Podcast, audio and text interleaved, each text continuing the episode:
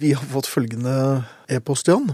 Hjemme i dag med to syke gutter som har feber etc., 12 og 8 år. Går da intetanende inn på avtredet og blir møtt av følgende inntrykk. 1.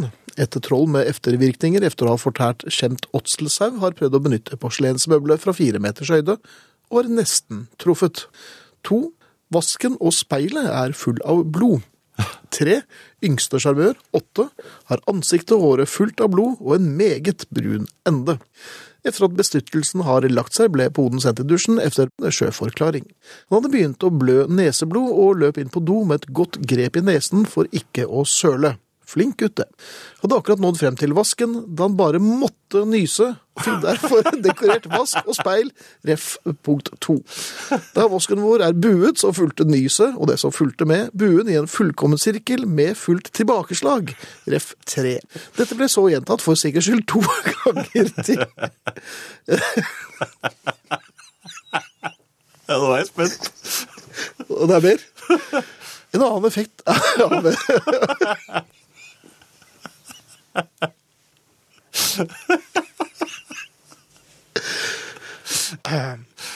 Dette går så fint. Unnskyld. En annen effekt av et nys er jo som kjent et ganske stort forhøyet indre trykk. Det er mannen som skulle til hjemme. Jeg, kan- jeg kan forklare. Og, ju- og junior fikk da film.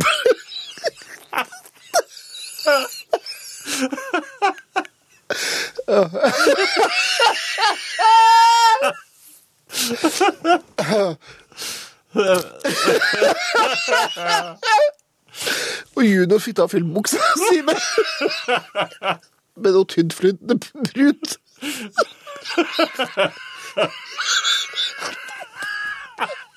Så, så må da rev av seg og hoppet bort til toalettet. Altfor sent. Ref, punkt én. Hil- Hilsen første gjengjører Henrik, spesialist i bøtteballett. Hvorfor skjer det alltid når vi er hjemme? Jeg vet ikke. Hen- Henrik, den får du for. Eh, Send eh, adressen din så, og størrelse, så skal jeg sende, sende deg en eh, Herreavdelingen-genser. Helt ren. Herreavdelingens feriekoloni. Noe som virkelig er utrolig irriterende, er kostholds les slankerådsmennesker som med stor innlevelse hårnakket prøver å innbille oss at agurk, paprika, gulrot, blomkål og stangselleri med yoghurtdipp er minst like godt som chips til lørdagskosen. Det er det ikke, hilser Inka, som ikke lar seg lure. Bra, Inka. Og det har han jo helt rett i også. Herreavdelingens feriekoloni. Ehm, anstrengt eh, samtale ved postkassen. Jeg var nede for å hente avisen en eh, morgen. I, Deilig varmt var det. Ja. Jeg hadde tenkt å faktisk ta en liten joggetur. ja. Det skjer av og til. Egentlig så er jeg At du får får lyst til å gjøre det, eller at du gjør det? At jeg gjør det. Men eh, så går jeg da ned til avisen. Jeg er ja, lett i steget, vil jeg si, og virkelig nyter den eh, deilige sommermorgenen. Og så Skjer det nå? kommer en dame med en liten jente og en mye enda mindre hund. Det var nemlig en Mye enda mindre hund. Ja, Ja, mye altså. enda mindre, for den var nemlig på størrelse med Alba. Og som den hundeeier jeg er, så følte jeg Og medmenneske. og medmenneske følte jeg at slektskap. det var. Ja, slektskap. Jeg lyste opp, det, været var fint, Oi. jeg holdt avisen Det var jo en helt ny og varm avis. Fersk, ulest. Alt var liksom riktig, og hjemme ventet jo kaffekoppen, så Men skulle du ikke jogge da? Jo, men uh, først skal jeg ha litt kaffe og lese avisen, og så skal jeg jogge. Og så henvender jeg meg da til damen. Fint vær og fin hund, og sånn hund har faktisk vi også. Men ignorerte du barnet?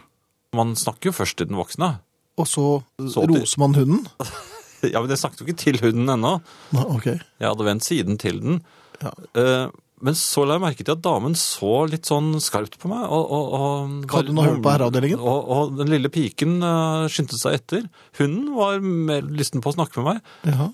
Men de svarte liksom ikke, og så bare gikk de. Men hva sa du da? Jeg sa jo bare det var deilig sommermorgen, og så morsom hund dere har. Det er så, akkurat samme hunden som vi har, og, og sånt noe. Og hva heter den, og sånne ting som man sier.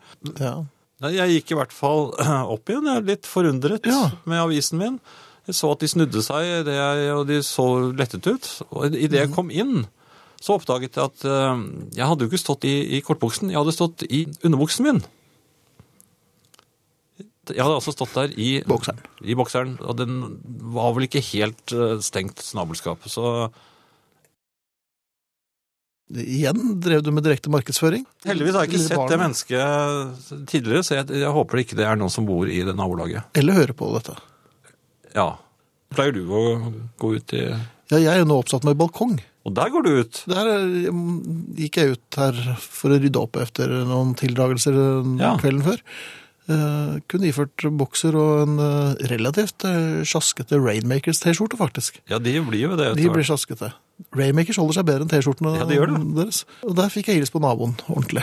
Ja. Her i Herreavdelingens feriekoloni tar vi fram kjøleelementer fra programfryseboksen. Du vet at jeg er relativt eh, opptatt av verdensrommet. Ja, og du kan jo veldig, veldig mye om verdensrommet. Jeg har i hvert fall studert det en del, og, og Hvordan har du, også med det, du har studert det med det gode øyet ditt. Nei, det er Har du ikke- verdensromøye?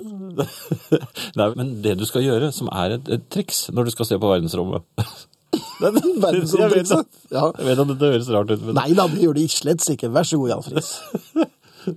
mange vil tro at når det er så mørkt Altså, verdensrommet er, jo- er mørkt om natten. Hvis, Er det, men det er, det er helt lyst om eh, dagen, er det ikke det? jo, det er for så vidt mørkt om dagen også, men, men da er det jo lyst på himmelen, som, som da ligger mellom verdensrommet og Ja, for det er, det er jorden, himmelen og så verdensrommet. Ja.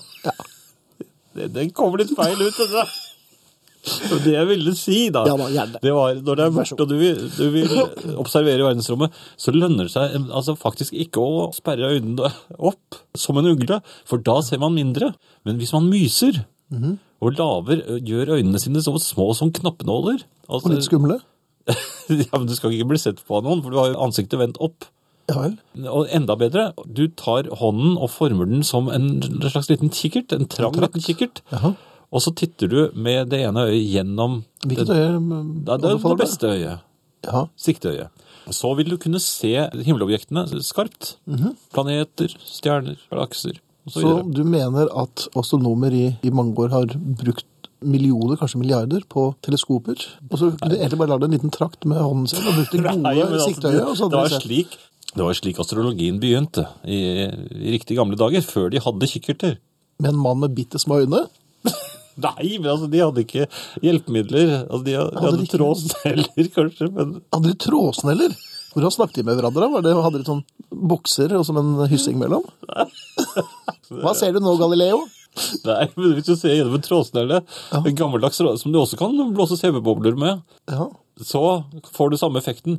Men altså, det jeg vil frem til nå, som observatør av verdensrommet, er at en annen galakse Vi er i ferd, altså Melkeveien, som vi tilhører, den galaksen er i ferd med å kollidere med en annen galakse. Og så, så, så maner bare vitenskapen til, til ro. At det er liksom, de avdramatiserer det hele.